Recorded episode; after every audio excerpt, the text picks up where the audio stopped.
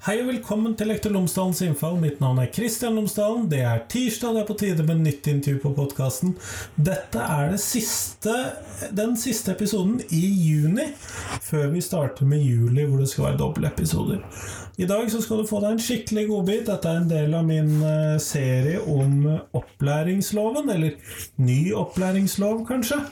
Og her skal jeg rett og slett prate med Inge Andersland fra NLA-høgskolen.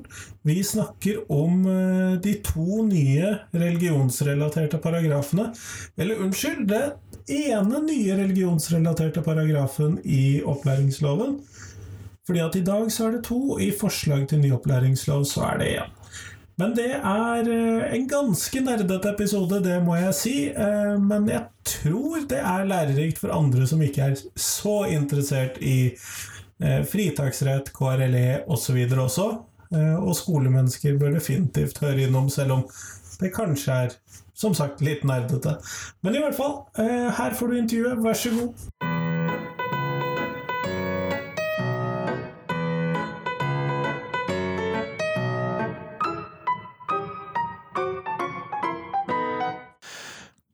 Inge Andersland, tusen takk for at du har tatt deg tid til meg i dag. Takk for at jeg fikk komme. Det er egentlig veldig fint at du faktisk har kunnet komme hit. Det er jeg veldig glad for da, etter noen måneder med hjemmeintervjuer. Ja, ikke sant. Eh, men først, fortell lytterne mine tre ting om deg selv. Du har vært med før, men det er en stund siden, så de har potensielt glemt det. Ja, det får vi eh, Det kan jeg se for meg. Jeg er lærerutdanner på NLA-høgskolen. Jobber mest med KRLE-leder. Eh, så er jeg for tiden ekstremt opptatt av et eh, samlekortspill fra Middle Earth-universet fra 90-tallet. Eh, og er egentlig fremdeles litt lykkelig over å ha vunnet en eBay-auksjon i forgårs. Um, og til sist så um, Ja, så merker jeg egentlig nå at pausen med fritidsaktiviteter og kveldsaktiviteter er over. Og jeg er en av veldig mange som nå må inn i tenkeboksen på hvilke av disse to livsstilene jeg egentlig har likt best. ja, eh, ting begynner å fylle seg opp litt mer igjen nå. Det gjør det. Det gjør det. Eh, både du og jeg har et ganske nerdete forhold til eh, opplæringsloven. Særlig de delene som handler om religion. Ja, det, det er et veldig nøye utvalgt, uh, utvalgt del av det for min del, altså. Ja, I den gamle opplæringsloven, for de som har lyst til å slå opp det, så skal jeg også lenke til disse paragrafene i shownotene, så er det snakk om paragraf 2-3a, som er den såkalte fritaksparagrafen. Mm. Og så er det paragraf 2-4, som er den såkalte KRLE-paragrafen. Yes. Eh, du har forsket på i doktorgraden din, så er det vel debattene rundt særlig da den siste? Ja. Men eh, ja, både 2-3 og 2-4 er med inn i de debattene. Eller den andre debatten, da. Og mitt hovedpoeng er 2-3A, som liksom har vært mitt hjertebarn for en masteroppgave. Yes. Sånn at her er det grusomt nerding. ja. Eh, så dere som lytter på, dere har advart allerede. Men i den nye loven så er disse to paragrafene de er samlet i én paragraf, og jeg skal lese litt her, og så får de som tilhører mållaget, de får ha meg unnskyldt allerede. Dette er paragraf 13-7. Eh, opplæringa skal ikke være forkynnende, Opplæringa om kristendom, andre religioner, livssyn og etikk skal samle alle elever og presentere ulike religioner og livssyn på en objektiv, kritisk og pluralistisk måte. Elever har etter skriftlig melding rett til fritak fra aktiviteter i opplæringa som de opplever som utøving av ei anna religion enn sin egen, eller tilslutning til et annet livssyn enn sitt eget, eller som de på samme grunnlag opplever som krenkende eller støtende. En trenger ikke å grunngi meldinga. En kan ikke kreve fritak fra kompetansemåla i læreplanene for fag. Elever som får fritak fra opplæringa i aktiviteter i opplæringa, skal ha annen opplæring med tilsvarende faglig innhold.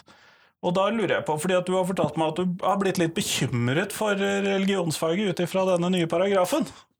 Eller betenkt, kanskje? Ja, nysgjerrig, interessert, bekymret, eller Nei, jeg har egentlig ikke lyst til å være bekymret. Er, um, for min del så reagerer jeg først og fremst på dette her med en slags sånn um, oh, nå skjer det noe, men, men den reaksjonen har jeg egentlig på altfor mange ting, og ting som en burde bekymre seg for. Så, så um, det, Men det skjer noe her har de slått sammen to veldig distinkte paragrafer sammen igjen. Og, og jeg tror altså nå er dette her jo, som du kanskje har orientert om i andre podkaster, så er det jo bare et forslag i en NOU som ikke har blitt en proposisjon engang, så vi er ganske langt unna en ekte ny lov, men Vi er to år før endelig resultat, eller mer. Eller mer. Um, alle som vil, kan lese opplæringslovsforslag på 90-tallet og se hva det ble noe av og ikke. Men um, jeg syns det er uh, dramatiske endringer som blir foreslått her.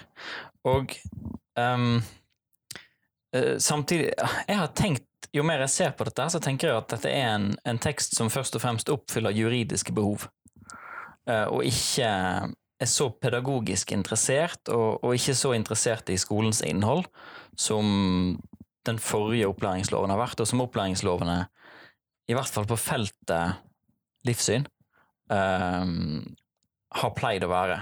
Og egentlig det har vært det siden 1700-tallet. Men kan vi tenke oss at denne juridiske koblingen som du her trekker fram, at det, at det kan være sånn Ok, dette er det vi lærte etter dommene og kritikken vi fikk på 90-tallet, mm. nei 2000-tallet, mm. eh, og debattene etterpå, og de årlige debattene. Ok, vi koker dette sammen ned, og så får vi det som rektor trenger, ja. håper vi. ja, og det, det syns jeg er rimelig, og, og, det krysser jo på en måte alle boksene. Altså Først så står det dette her forbudet mot at opplæringen skal være forkynnende, eller altså det slår fast at opplæringa skal ikke være forkynnende. Og det sa de jo allerede i 90-tallsdebatten. altså Jon Lilletun fra KrF eh, sier i, på 1995 at eh, nå skal ikke opplæringa være forkynnende. Så det hadde de på en måte etablert allerede da, men de hadde ikke satt det i lovtekst eh, like eksplisitt. Og så her står det på denne måten. Vi har egentlig, mener jeg, et juridisk problem i Norge fordi at vi bruker det ordet forkynnelse. Um, vi har egentlig ikke definert det ordet noen gang sånn ordentlig. Og juridisk så tror jeg det svarer best til indoktrinerende. Altså det som ikke er lov i menneskerettighetssammenheng, eller det som utløser fritaksrett, fullstendig fritaksrett, er å ha et indoktrinerende uh, det, I Norge er det et veldig sånn belastet ord. Ja, um, men, men forkynner slår jo fort til tidligere enn indoktrinerende, da. Ja, jeg tror det. Uh, samtidig som forkynner jeg har, jeg har, diskutert med noen studenter som, som, er vant til å komme fra en, uh, fra en kristen setting, f.eks. Da er jo forkynnelse at noen står og ser på deg og sier at men du er en synder, og du trenger Jesus, du må vende om. og sånn, sånne ting. Det er forkynnelse for dem. Og så tenker de på, på, på uh, KRLE-fare og tenker nei, nei, det skjer ikke. Ingen fare. sant? Og så legger de den ballen død. Mens for meg som kommer da fra en ikke-kristen kontekst, så vil jo forkynnelse slå inn lenge før det. Ja. I det vi sier 'vi tror på at Moses', eller 'vi tror at', eller Ja. Og da kommer vi ganske tett på ordet påvirkning. Um, men det er ikke det som det er avgrensa seg for her, fordi vi kan ikke drive skole uten å påvirke folk. Og, og der, der, der um, ja, skal det være et stort pedagogisk rom innenfor det juridiske her. Men, men, det er på en måte, som du sier, de, de krysser en av boksene fra, fra alle debattene etter menneskerettighetsdommene mot det første KRL-faget. Og så, for, så kommer jo objektiv, kritisk og pluralistisk. Rett fra dommen.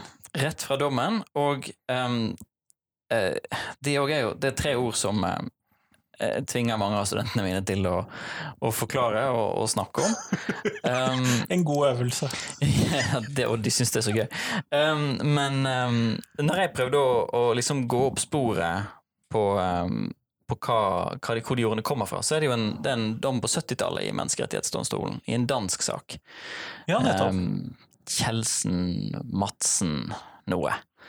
Uh, og, og, der gjør de en sånn liten fordi i, i, dommen i den norske saken, eller saken om, mot Norge, så, så, er det jo bare en referanse tilbake til den danske dommen. I den danske dommen så skal de forklare det litt.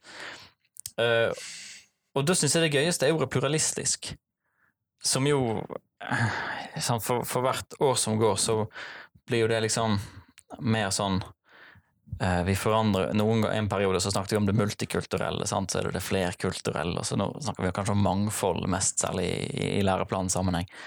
Um, men uh, etter hukommelsen så er det som uh, står i den danske dommen, eller dommen mot Danmark eller Det var en gruppe danske foreldre, så jeg tror de ville ha fritak fra deler av naturfagundervisningen.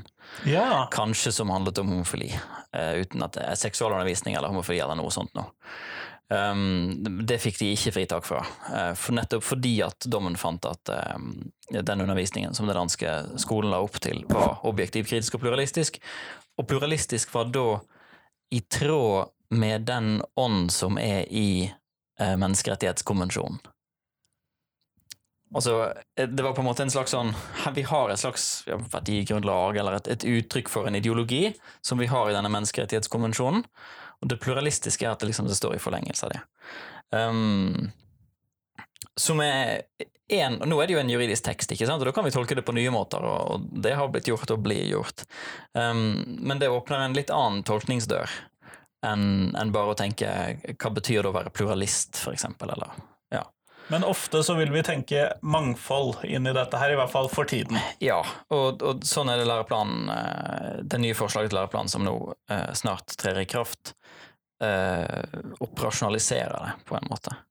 Um, men dreiningen i formuleringen her er jo at det er ikke lenger snakk om at undervisningen i et fag skal være objektiv, kritisk og pluralistisk. Nei, for Det sto vel før tidligere opplæringa i kristendom med stor K, og så ja.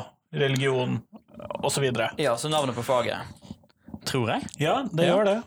Mens her står det opplæringa om kristendom, andre religioner, livssyn og etikk um, skal samle alle elever og presentere ulike religioner og livssyn på en objektiv, kritisk og pluralistisk måte. Og jeg oppfatter det som en dreining vekk fra fagnavnet.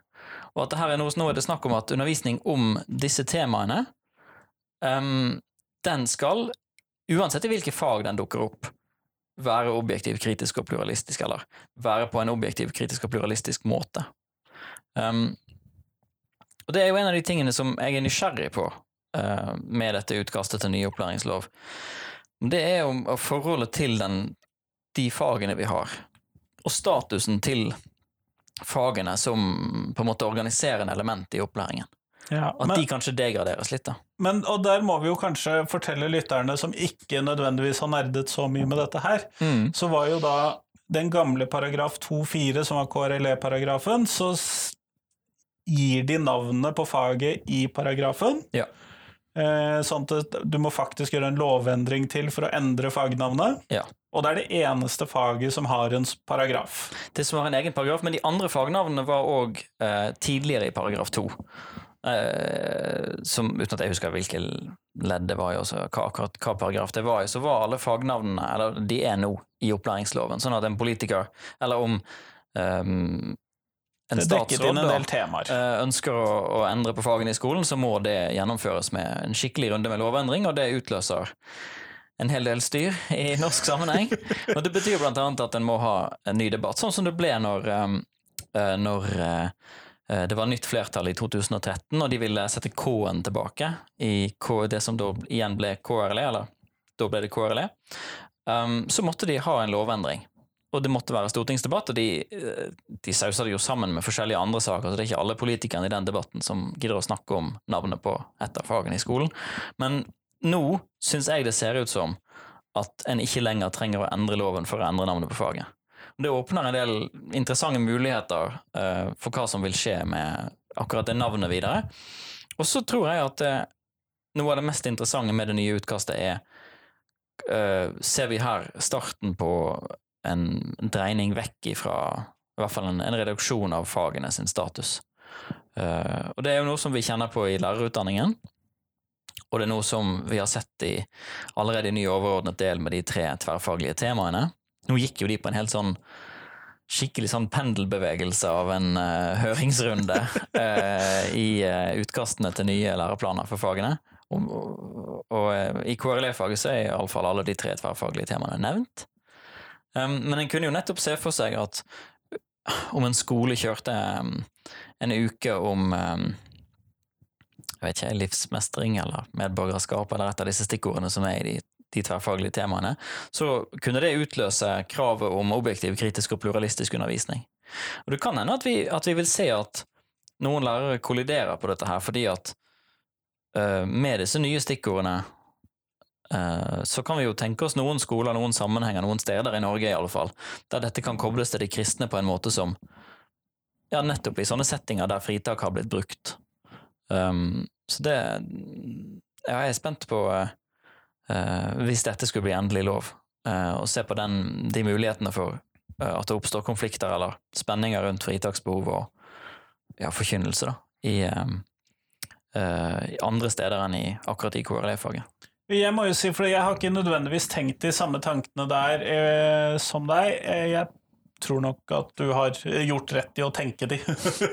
Men eh, for det jeg tenkte på når jeg så dette, var at eh, ok, nå gjelder KRLE-paragrafen også for videregående skole. Mm. Eh, Før så sto den i et eget kapittel for grunnskolen, men nå gjør den ikke det lenger. Og Mm. formuleringen er sånn at vi også inkluderer det videregående faget. Mm. Eh, I tillegg så inkluderes fritaksparagrafen også for det videregående faget. Ja. Så det tenkte jeg på. Ja. Men dette som du da sier at eh, det også plutselig kan ramme andre fag, eller at man løser opp litt når denne paragrafen gjelder, det tenkte jeg ikke på.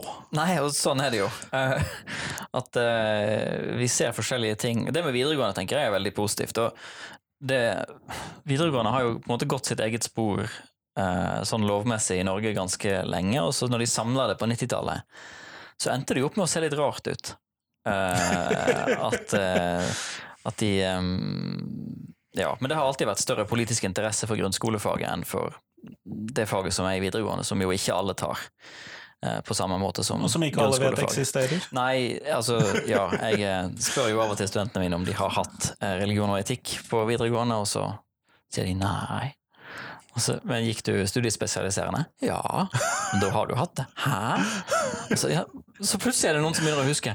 Å ja, var det det gøye faget der vi Ja. Og så, så kommer det. Men, men ja da, jeg har vært lærer i religion og etikk på videregående og syns at det er et eh, fag med veldig mange gode muligheter uh, til å gjøre mye bra. Eller så, den, Det som det nye paragrafforslaget her, 13.7, ikke gjør, er jo at den har ikke en sånn innholdspassasje. Og det tror jeg er første gang siden er det 1736? 1735? At ikke innholdet i religionsopplæringen er benevnt eller styrt på, på lovnivå i Norge. Så det er jo litt dramatisk uansett. Altså det, det blir spennende å se om politikerne vil la det passere. For det er egentlig oppfatter jeg det som at da, da vil det være at Stortinget sier at, at dette syns ikke vi lenger er viktig nok til å regulere. Um, for det har de tenkt før. Ja, og man kan jo tenke seg at KrF særlig vil protestere veldig på det.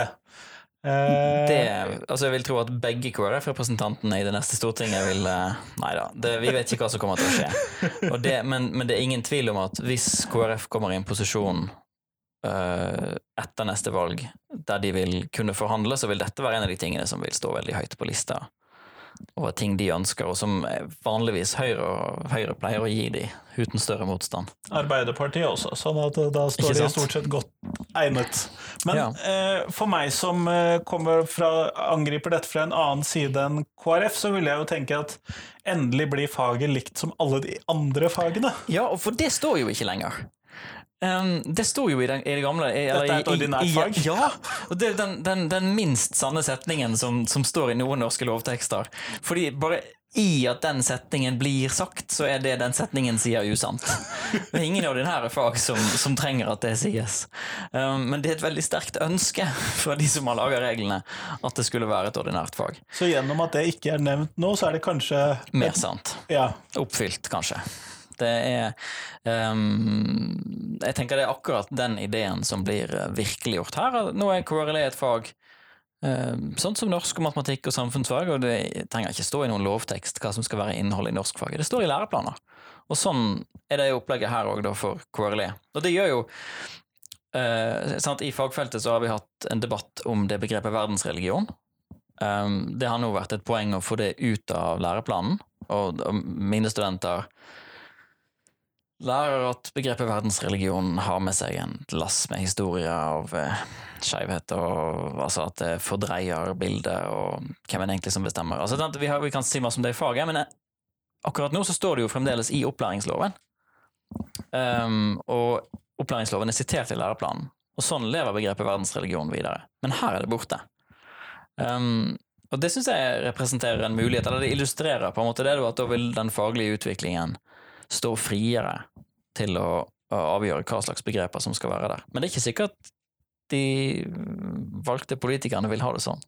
Nei, det, men, men uansett så vil jo ikke verdensreligionene som konsept eller modell eller et eller annet vil jo ikke forsvinne fra læreplanene selv om det forsvinner fra loven. For så vidt jeg husker, så er de med i det nye forslaget til læreplaner som nå ligger inne og skal eh, Det er en sånn oppramsing av Ja. forskjellige religiøse tradisjoner. Hvor sikene også kom med. Ja, for det, jeg tror de med vilje har gjort det sånn at ikke det skal svare til eh, De den fem store opplistingen av de fem som liksom, hvis du rister en elev, så vet de hva de fem store verdensreligionene er. um, og det um, I motsetning til den svenske loven, for eksempel. Altså, jeg har fått ny læreplan i Sverige nettopp, og der er det med verdensreligionbegrepet kjempetungt inne. Ja, Eh, og de hamrer på det om igjen og om igjen, de store verdensreligionene. Og det er akkurat de fem som, som vi tenker det er. Ja. Um, så det, det var jeg litt overrasket over når jeg så på det svenske uh, nye læreplanet i Sverige. Da. Så jeg tror at når det begrepet forsvinner ut av loven, uh, så tror jeg at, vi, at, at det vil um, uh, det vil ta en generasjon eller to med lærebøker. Men det styrker jo da fagmiljøets mulighet til å påvirke hva som skal være der, for når det først ligger i loven, så kan du ikke gå bort fra det. Nei, eh, nettopp. Selv om vi kan omtolke det og sånn, så, så, så, så tenker jeg òg at det, denne planen, eller dette forslaget til lov, gir, gir større makt til, til fagmiljøet, eller gir større mulighet for at fagmiljøet kan påvirke. For det er egentlig det som får større makt her, er jo byråkratiet. Og, og Utdanningsdirektoratet. Og, og den statsråden som er villig til å bruke energi på de. Eh, det varierer jo litt. Det er ikke alle som, som kjører sånn full Hernes eh, oppvask. Um, men um, ja, det er jo en dreining som jeg er usikker på om jeg er positiv til, da. Men jeg merker at det er veldig i tenkeboksen. Men jeg har Ja, for det har noen positive sider, Ja, og det har noen negative potensiale sider. ja og så er det noe prinsipielt med Altså, hvis skolen Et av de aller viktigste fellesprosjektene vi holder på med. Og i Norge har vi ekstremt høy oppslutning om den offentlige skolen. Bortsett fra i Bergen sentrum. Ja, det kan du si. Det, vi klarer i, I Bergen og Oslo og noen få andre byer så finnes det et Men sjøl her så er jo prosenttallene eh, sjeldent lave i, i internasjonal sammenheng. Um, og ja, det gir det en helt spesiell posisjon i demokratiet. Um, og da tenker jeg det har verdi at Stortinget både interesserer seg for det og diskuterer det. da. Det er jo liksom det jeg har gjort avhandlingen min på, hvordan politikere snakker om et fag. Så det er ikke så rart at jeg, at jeg er opptatt av det. Men altså I de tingene som jeg har studert, så har det jo De sier mye som er feil. De sier ting som er inkonsekvente. Um, men de står nå der og kjemper med en sak som de skal finne ut av. Og det, det er noe veldig demokratisk med det, som, som jeg eh, har sans for. da. Um, og de er der På en måte er jo de jo foreldrenes representanter, og de er barnas representanter. Selv om det er foreldrene som har stemmerett, og ikke barna. Um, så det syns jeg kanskje er noe av det liksom litt vanskelige med dette nye forslaget her, at jeg um, Jeg vet ikke om jeg er glad for Hvis vi kan kalle det for en At det gir økt makt til byråkrati, eller en økt byråkratisering. Um, for det, det gjelder jo, sant, i, tillegg til denne paragraf 13-7, så er det andre steder i, i det nye forslaget til lov at det slår fast bare at innholdet det blir fastsatt i læreplaner. Eh, Det skriver vi ikke noe om her. Um, og eh, at det på en måte gjør at uh, at det blir mer makt i, i den byråkratiske prosessen med å lage nye læreplaner. Og den Jeg var med på en runde som handlet om rammeplaner for lærerutdanning. Og det er en komité. De har dårlig tid. De møtes av og til og jobber så godt de kan, og det varierer hva de får gjort, eller hvor godt de fungerer sammen. og Og så siles det gjennom byråkratiet etterpå. ja, hele tiden. Sant? Og de, de har både en mal for eh, sant? hvor mange kompetansemål er det lov å skrive her, eller eh, Denne gangen for KRLE-gruppa så fikk de jo til og med eh, beskjed om at det skulle stå om kristendommen der. Og det var jo nettopp et sånt politikerinnslag som jeg nettopp på en måte har argumentert for, men som jeg jo var, var motstander av i, i sak. Så, så, så det kjennes litt rart å um, Jeg er jo ofte uenig med disse politikerne, da, men, men um, det er noe veldig Uh, Demokratisk? Ja, og jeg ville si bra, da, med at, uh, at de eh, er villige til å ha det i fokusfeltet sitt. For det er kanskje det det handler om, at uh, det er, vel, det begrenser antall sektorer og fenomener som kan få oppmerksomhet fra Stortinget. Um, og kanskje dette, et- dette er iallfall et forslag om at KRLE i mindre, mindre grad blir en sånn ting som får oppmerksomhet. Ja. Eh, Det som jeg også har tenkt når du har snakket nå, det er jo det at eh, mitt store sånn inngang inn i religionsvitenskapen har jo vært og inn i Human-Etisk Forbund for den saks skyld, har jo vært kampen mot skolegudstjenester. Ja. Eh, og skolegudstjenester er ikke lov per nå å putte inn i KRLE-faget. Mm. Eh, og så har man løst For mange steder så øver man til noe sånn eh, synging og noe spill og noe dramatiseringer og gud vet hva de driver med alle sammen inn i disse skolegudstjenestene. Mm. Eh, men den øvingen kan ikke foregå i, i KRLE-faget. Ok. Eh, for, på grunn av uh, prinsippet som ligger øverst her med opplæringa skal ikke være forsynende. Ja. Uh, men da har man puttet det inn i norskfaget og inn i uh, musikkfaget og inn i kunst og håndverk eller hvor nå de har puttet alle disse forskjellige elementene til alt de skal gjøre klart til gudstjenesten. Ja. Og dette er jo jeg selvfølgelig skrekkelig imot. Jo, jo. Men her så har de jo da gjort opplæringa om kristendom og andre religioner. Jeg tror kanskje det er ja, opplæringa generelt som ikke skal være forkynnende. Sånn at de må finne en annen måte å argumentere for at dette ikke er forkynnende. Må kanskje heller snakke om at dette ikke er forkynnende.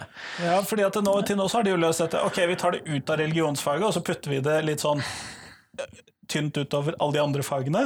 Den strategien tror jeg dette forslaget slår beina under. Altså. Det, er, det, er veldig, det, er, det er godt sett. Ja, for når du først har fått meg opp på sporet om at oi, dette her gjør noe med de andre fagene også, Ja.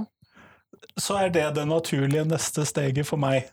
Så eh, da kan vi jo allerede varsle nå at det kommer et nytt rundskriv som eh, kommer til å klargjøre. Eh, ja, det blir, det, blir, det blir spennende å se hvordan de håndterer det, men, men de eh, Kanskje de tar det tilbake til KRL-faget og sier noe om lokal forankring og om å utforske, som jo er et av de nye kjerneelementene i KRL-faget. Utforske religioner og livssyn med ulike metoder. Så sier de at eh, akkurat nå bruker vi sang som metode for å utforske Eh, Da tror jeg min side av dette begynner å synes at den første setninga her blir litt vanskelig. Ikke sant?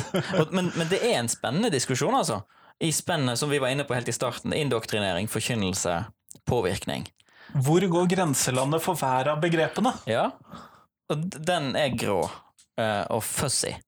Og, og sånn og, altså, nå er det jo at dette er en lov, så det, det betyr at vi må ha rettssaker for å bestemme hvor de grensene går. Yeah. Det hjelper ikke at noen sitter og diskuterer de og, og, og mener noe Men det. det, dette Hu jeg, altså. Tenk om vi får en ny runde med rettssaker. Det hadde vært ganske slitsomt, egentlig. Jo, men da har du noe å skrive postdok om, da. Oi, oi, oi. ja, jeg prøver å skrive om andre ting nå enn eh, enn dette her. Men, eh, men det kan det, det kan være, altså, fordi for noen, noen steder i Norge så betyr det kjempemye for et lokalmiljø med den samlingen rundt det. Og, Mm. og dette er jo Hvis jeg ikke nevner noen, så kan vi, blir kanskje eh, ikke kritikken for, for skarp, men en kan jo Sånne steder kan det være ordentlig vanskelig å være minoritet. Ja. Så vi Det er jo nettopp der det trengs. Nettopp. Det er der det trengs et minoritetsvern som, som, som, er, som er sterkt nok. Og, og det, det, kan, det kan bli eh, Ja. Nye behov for nye runder om det. Samtidig så er det mange av disse stedene, som jeg tenker på nå i alle fall, som òg endrer seg ganske mye. Altså den derre um, um, uh, det som før har vært helt uproblematiske formuleringer om det kristne og Norge og Dette vi-et. ja. Det, det er ganske mange nå som, som merker at det skurrer noe der. Uh, og at det ikke er så enkelt lenger, sjøl på et sted uh, som har veldig sterke tradisjoner på det feltet. Så det, Jo, men det- dette tror jeg rammer mange av oss. Eh, rammer og rammer. Eh, og jeg tror jeg har sagt det til deg før, men jeg sliter med å ikke si vi i Norge er luthersk kristne. Ja, ikke sant? Jeg syns den er vanskelig å komme meg bort ifra. Og jeg refererte vel til det lutherske som vår tradisjon her for ikke så veldig lenge siden. Og, og nå, når jeg gjør det så inni hodet mitt, så refererer jeg til Den norske kirka som jeg er med i, og da er det jo vår tradisjon. Men, men eh, hvis, det, hvis det er den norske tradisjonen som er det, så Så er det en litt vanskeligere Ja. utsagn. Det er det. Um, og eh, ja, nei. Skal, vi som liker å nerde om dette her, vi, vi kommer nok til å få nok ting å, å følge med på. Men foreløpig tenker jeg det mest interessante er hva skjer med denne paragrafen i møte med først departement, og så stortingskomité. Um, og, og, og egentlig, jeg blir overrasket, det tror jeg skal tilstå, jeg blir overrasket hvis proposisjonen fra regjeringen har paragraf 13-7 helt lik som dette. Hvis den er ordrett lik, ja. Ja, jeg tror at de kommer til å legge inn et avsnitt om innholdet i faget. Men eh, altså enn så lenge så sitter, jo KrF i den regjeringen, og, og det tror jeg eh, tror jeg vil bety veldig mye for de, altså. Det tror jo jeg òg. Samtidig så er det jo Venstre som sitter med ministeren, da. Så Ja, det det, er det. jo. Venstre tok jo dissens på en måte fra KRLE eh, for Eller denne her passasjen i eh, Var det Nyvolden-erklæringen? Altså når, de, eh, når regjeringen Solberg med Høyre og Frp lagde en samarbeidsavtale med KrF og Venstre. jeg husker ikke hvilken vold, det var en vold, men ja. Ja, jeg lurer på om Sundvolden var Høyre, var Høyre og Frp, og så var det Nyvold eh, med yeah. alle fire. Men, men der var det jo var der de fastslo at nå blir det KRLE. Um, og det var ikke Venstre med på. For de trengte ikke, altså de trengte ikke Venstre for å ha flertall eh, med det Stortinget. Nå med det nye Stortinget så får de jo knapt flertall, for ja, nå er det virkelig eh, stemning der oppe. Men, men um, ja, de må ha Venstre med på dette nå, og det blir spennende å se om ikke Venstre vil, da vil argumentere for. Venstre ville jo ha en annen fritaksparagraf òg, egentlig. I, eh, og, og egne løsninger, altså den gangen i 2008, når de lagde det som nå er 2-4. Ja, for dette er jo egentlig et Arbeiderparti, SV Ja, jeg tror jeg ville sagt SV Arbeiderparti, Eh, men uh, uten at jeg, jeg vet så mye om det, egentlig. Men, men uh, eh, Sånn som stortingsdebatten fremstår, i alle fall i 2008, så er nåværende lovgivning et resultat av at Senterpartiet tapte den interne kampen i Stoltenberg-regjeringen. Ja. Stoltenberg 2. Um, sånn at SV, eh, som hadde statsråden, fikk Arbeiderpartiet med på en løsning som liksom skulle, skulle si nå er det nok med disse menneskerettighetsgreiene. Nå skal vi ha noe der ikke noen tvil, eh, og vi skal ja, gjøre det Vi skal være tydelige. veldig tydelig. Um, men dette går jo da enda lenger, egentlig. Uh, I den retningen. Men kan jeg, kan jeg spørre deg om, om noe annet som er her, Ja. og som vi ikke har snakket om ennå, og som jeg er opptatt av for tiden? Har du sett hva navnet på paragrafen er? Opplæring om livssyn og fritak fra aktiviteter i opplæringa pga. livssyn. Ja. Det var en veldig krøkte setning, det er nå én ting. Men det står ikke religion. Det står livssyn. Ja, og her mener jeg jo at Og jeg er litt usikker på hva du har tenkt å spørre meg om inn i Ja. det, men jeg eh, gir det et eh, skudd eh, uansett. Og det er jo eh, Jeg har jo tenkt som så at dette KRLE-faget vårt, Mm. det kunne egentlig bare hett LE. Ja. Fordi jeg mener at kristendommen er en religion, religioner er livssyn, ergo så er det livssyn og etikk. Ikke sant? Ferdig. Ja. Uh, og det ser jo ut som det er det de har Ok, vi går for den minste. Ja. Eller største bolken. Uh, og det mm, det er Hvis det er liksom spor av fremtid i det dokumentet her, så tenker jeg jo at det er en, en sånn indikasjon, altså. Men så er det jo selvmotsigende på den måten at de, de har jo um, sant, Begrepet religion, ordet religion, er med både i den andre setningen, sant, for da er den Ja. bygga på um, dette med sant, kristendom, andre religioner, Det er der de har hentet inn fagnavnet på en litt sånn lur Ja, men, måte. fa men fagnavnet er jo ikke kristendom, andre religioner, livssyn og etikk. Nei. Og ikke med liten bokstav. Nei, ja, i lovteksten så er det med ganske små bokstaver, men, men, um, men, den, men ikke andre. Så det er ikke fagnavnet én uh, til én. Det, det er tema som blir lista opp her. Og så presentere ulike, ulike religioner og livssyn. Nettopp. Da har vi den måten å gjøre det på. Å si religioner og livssyn. Og um, her nede i, um, i fritaksbiten utøving av en annen religion enn sin egen, eller tilslutning til et annet livssyn enn sitt eget. Så her kan du ta en av hver. Ja, du kan ha begge deler. Ja.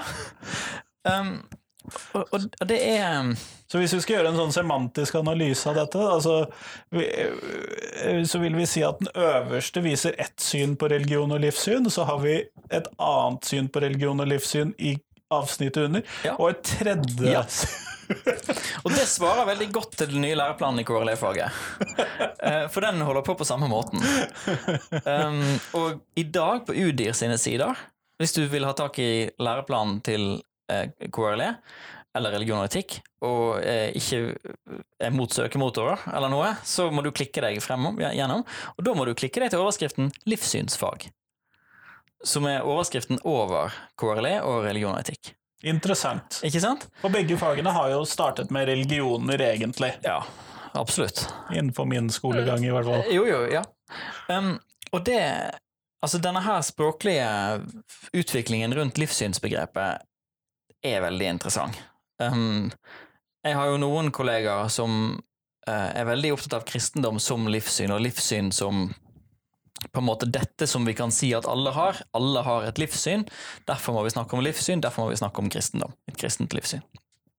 Mens um, altså Ann Taves og, og, og, flere andre forskere internasjonalt jobber med livssynsbegrepet som et nytt og bedre altså Da, er det worldview. Ja, ja. Um, som vel er verdenssyn, kanskje mer enn en livssyn. Men uh, um, som et nytt og bedre begrep og, altså, enn religion, da, fordi religion er et fryktelig vanskelig begrep å vet, definere. Ja, men, altså, men, hvis du da samtidig spør, da, gitt at du hadde spurt alle Norges lærere og hva de tenkte på når du skrev livssyn, ja. så mistenker jeg at de ville svart Human-Etisk Forbund i en eller annen variant. Det, det er veldig sannsynlig. Um, ja. Uh, og, og du har religionen, og så har du det ene livssynet som er representert her ved denne organisasjonen. Ja, ja. Sekulære livssyn, som for eksempel uh, livssynshumanisme. Um, og, Eller bare livssynshumanisme. Ferdig. Det er ja. ikke noe annet. ja. Um, så det er en utfordring. Um, og i England så er det jo nå forslag om å erstatte uh, fagnavnet Religious Education med Religion and Worldviews education. Så der òg er det en sånn Altså dette med worldviews. Uh, livssyn sånn teoretisk og forskningsmessig i Norge har det jo vært veldig få som har vært opptatt av. Det er en som heter Ordnanes, som har gjort en ærlig innsats med å skrive bøker, og det har vært innføringsbok for, for veldig mange studenter. Jeg har selv studenter. fått den på studiet i Volda, det ja, der han jobber også. Da, så ikke sant, og På NLA har den vært i, i mange mange år, og de, jeg tror de har brukt den mange steder. Um, uh, ja, jeg er, er, med flere nå som er interessert i å prøve å, skrive noe nytt om dette her, men det er sant, Oddrun Bråten jobber med livssynsbegrepet nå. Um, mer i tilknytning til det nye internasjonale, sånn som hun er. Ja. Um, og så har det jo vært forsket litt på hvem er de ikke-troende i Norge, på Universitetet ja. i Agder osv. Ja, og hva fordi det som jeg kjenner på, nemlig, er at um, det ligger noe i begrepet livssyn som gjør at jeg syns det er vanskelig å si at alle har et livssyn. Um, jeg, tror, jeg, tror, ikke det heller er egnet som universell kategori. Jeg Nei, for jeg tar det som en universell kategori. Jeg, jeg ja. mener at det er riktig, men få høre hvorfor syns du det er vanskelig å bruke det? Jeg, jeg tror det forutsetter en måte å leve på som betyr at en har i hvert fall overskudd av tid til å reflektere over den slags. Altså, vi kan samle inn Vi kan samle menneskesyn, eh, verdensbilde, etikk, kanskje. Nå prøver jeg å huske Odnanes sin, sin side her. Men, men, men, det er jo men, Så det kommer an på hvordan du definerer livssynsbegrepet. Men jeg har en Jeg tenker at um, det er det er en utfordring i å si at de spørsmålene som vi forbinder med ordet livssyn, er noe som alle forholder seg til. Ja, sånn at eh, Hvis jeg da har forstått deg riktig, så livssyn eh, oppfatter du som et mer hva skal vi kalle det, bevisst begrep? Sånn at du har, type, har tenkt igjennom eller lever i tråd med, eller den typen ting, istedenfor bare tilfeldige ting som du egentlig tenker at er sant, men som du ikke egentlig har tenkt ja, for, så mye på. Ja, for da, men da, for da er vi òg inne i et ganske sånn vanskelig tilgjengelig område av det å være menneske. Um, og, og, og, vi skal ikke lese så altså, vi, vi, har jo tilgang på fantastisk gammel litteratur. Mennesker som levde i utrolig andre tider enn det vi gjør, f.eks. i Bibelen, men òg andre tekster. Um, og vi ser at de jobber med noen av de samme tingene som, som vi nå forbinder med livssyn, men For det første så vet vi ikke hvor mange som leste de tekstene, og hvor på en måte elite de var, de som produserte de. Antagelig veldig. Antagelig veldig, altså. Det var eh, One Percent Club. Um, som bare det. Sannsynligvis.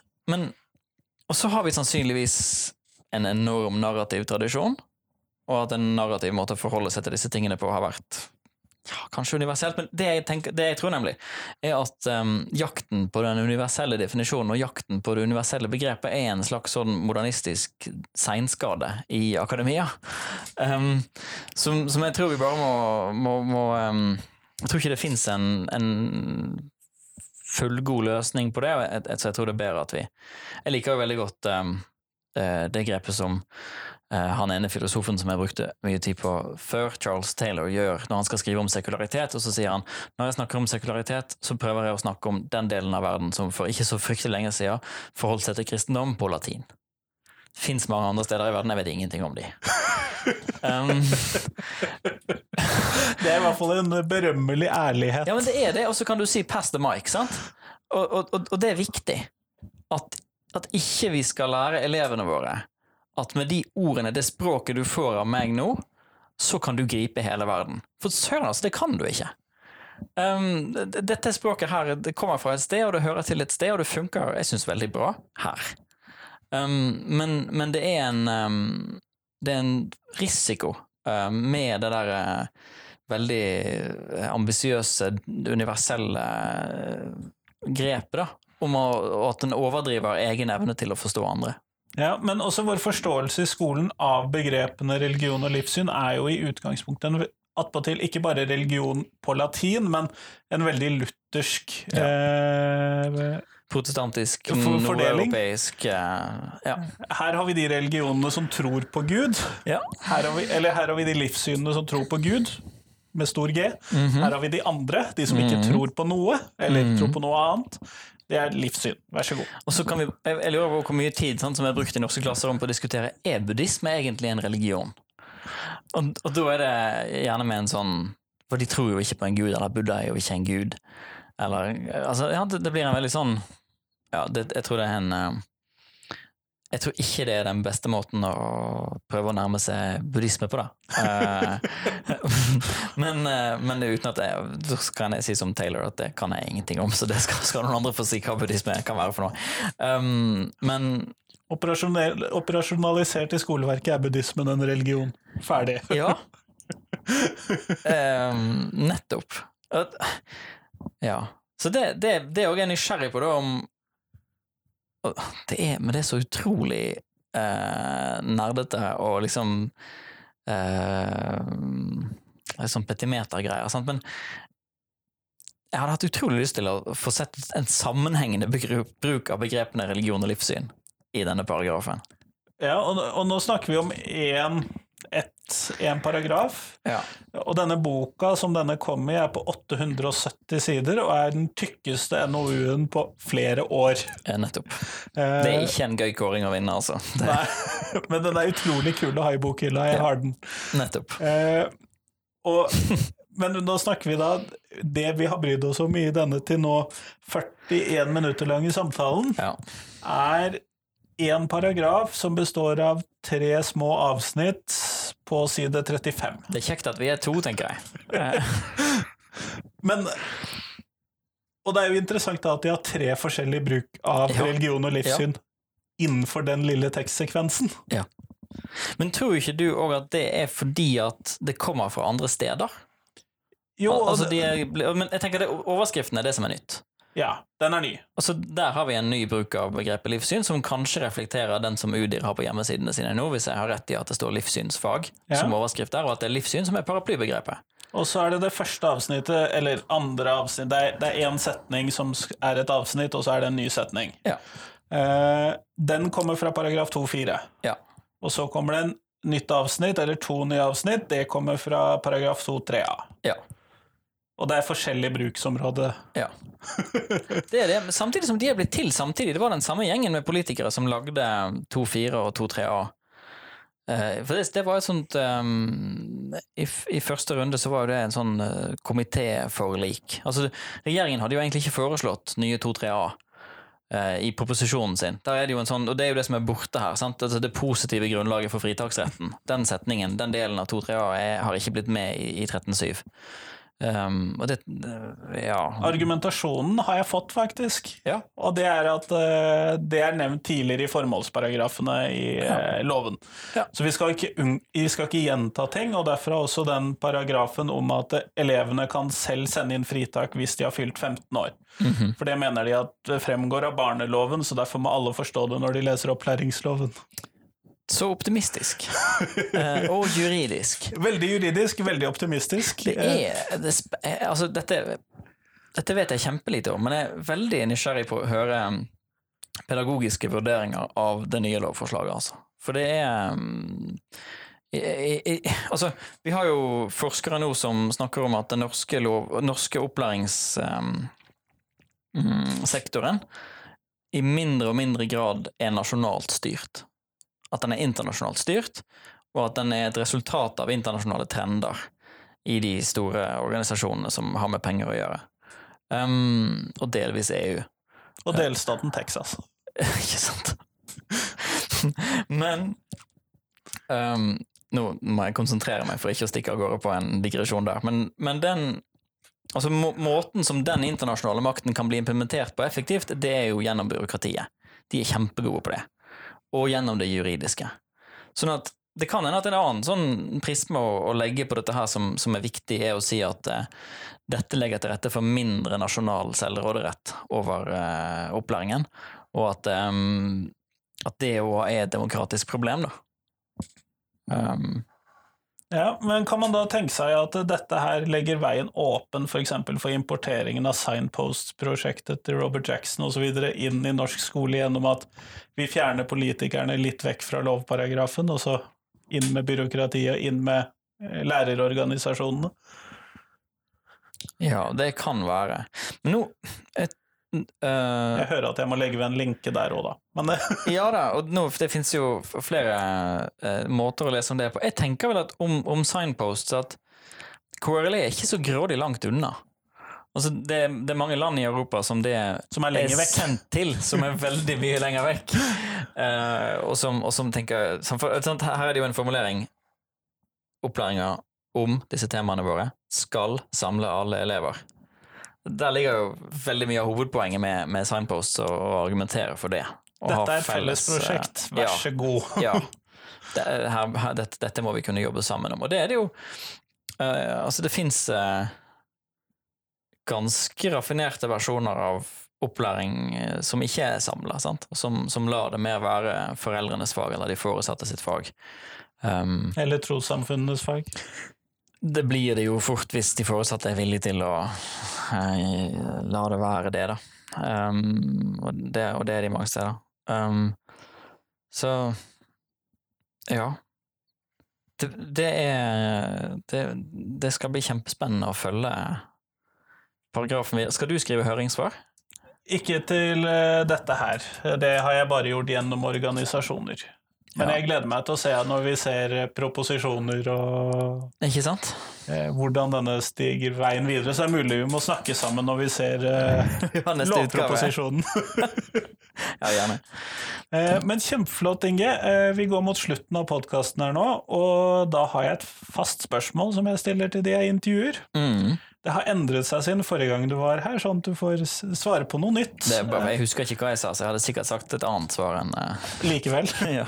Men eh, skolen skal jo lære elevene masse ting. mm. Men hva er de tre viktigste tingene som skolen kan lære elevene? Mm. Um, det jeg tror jeg får jeg si tre ting jeg syns er viktig, da, i hvert fall. Og så skal jeg ikke gjøre krav på at det er det viktigste.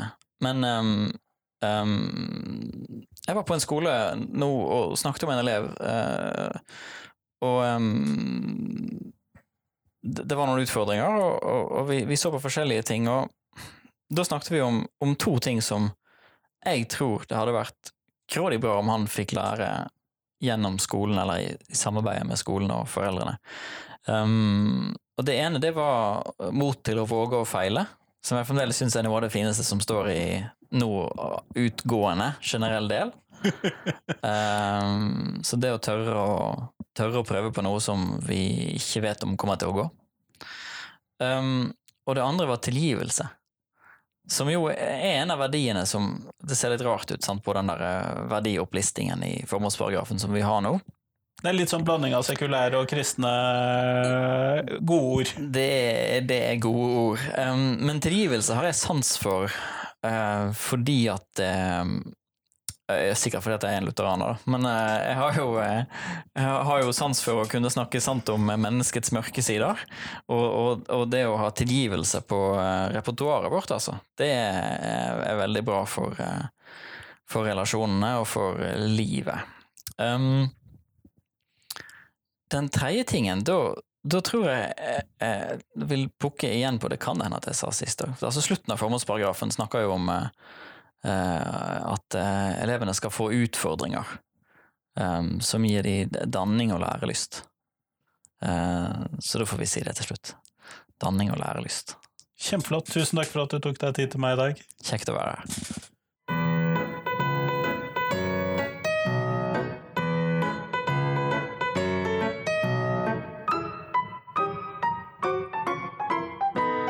Tusen takk til Inge, og tusen takk til deg som hørte på. Nå er det bare noen dager igjen til neste podkastepisode, for som sagt så begynner vi med doble episoder i juli. Da blir det Torstein Tvedt Solberg fra Arbeiderpartiets utdanningsfraksjon som får neste episode. Og han kommer på podkasten på fredag for å snakke om Arbeiderpartiets skolepolitikk, korona, hva vi skal forandre med skolen, hva kan vi lære? Hvor går vi nå, rett og slett? Eh, dette blir et spennende intervju. Det får du på fredag. I mellomtiden, send meg dine tips til hvem jeg skal intervjue, for det er jeg veldig interessert i. Eh, det er ikke så mange mennesker på listen min til enhver tid, sånn at jeg blir alltid glad for nye tips. Alltid glad. Hvis de i tillegg bor i Bergen, eller tilfeldigvis reiser til Bergen, enda bedre, men det er ikke et krav. Men i hvert fall, eh, ha en fin uke fram til fredag. God sommer. Hei, hei.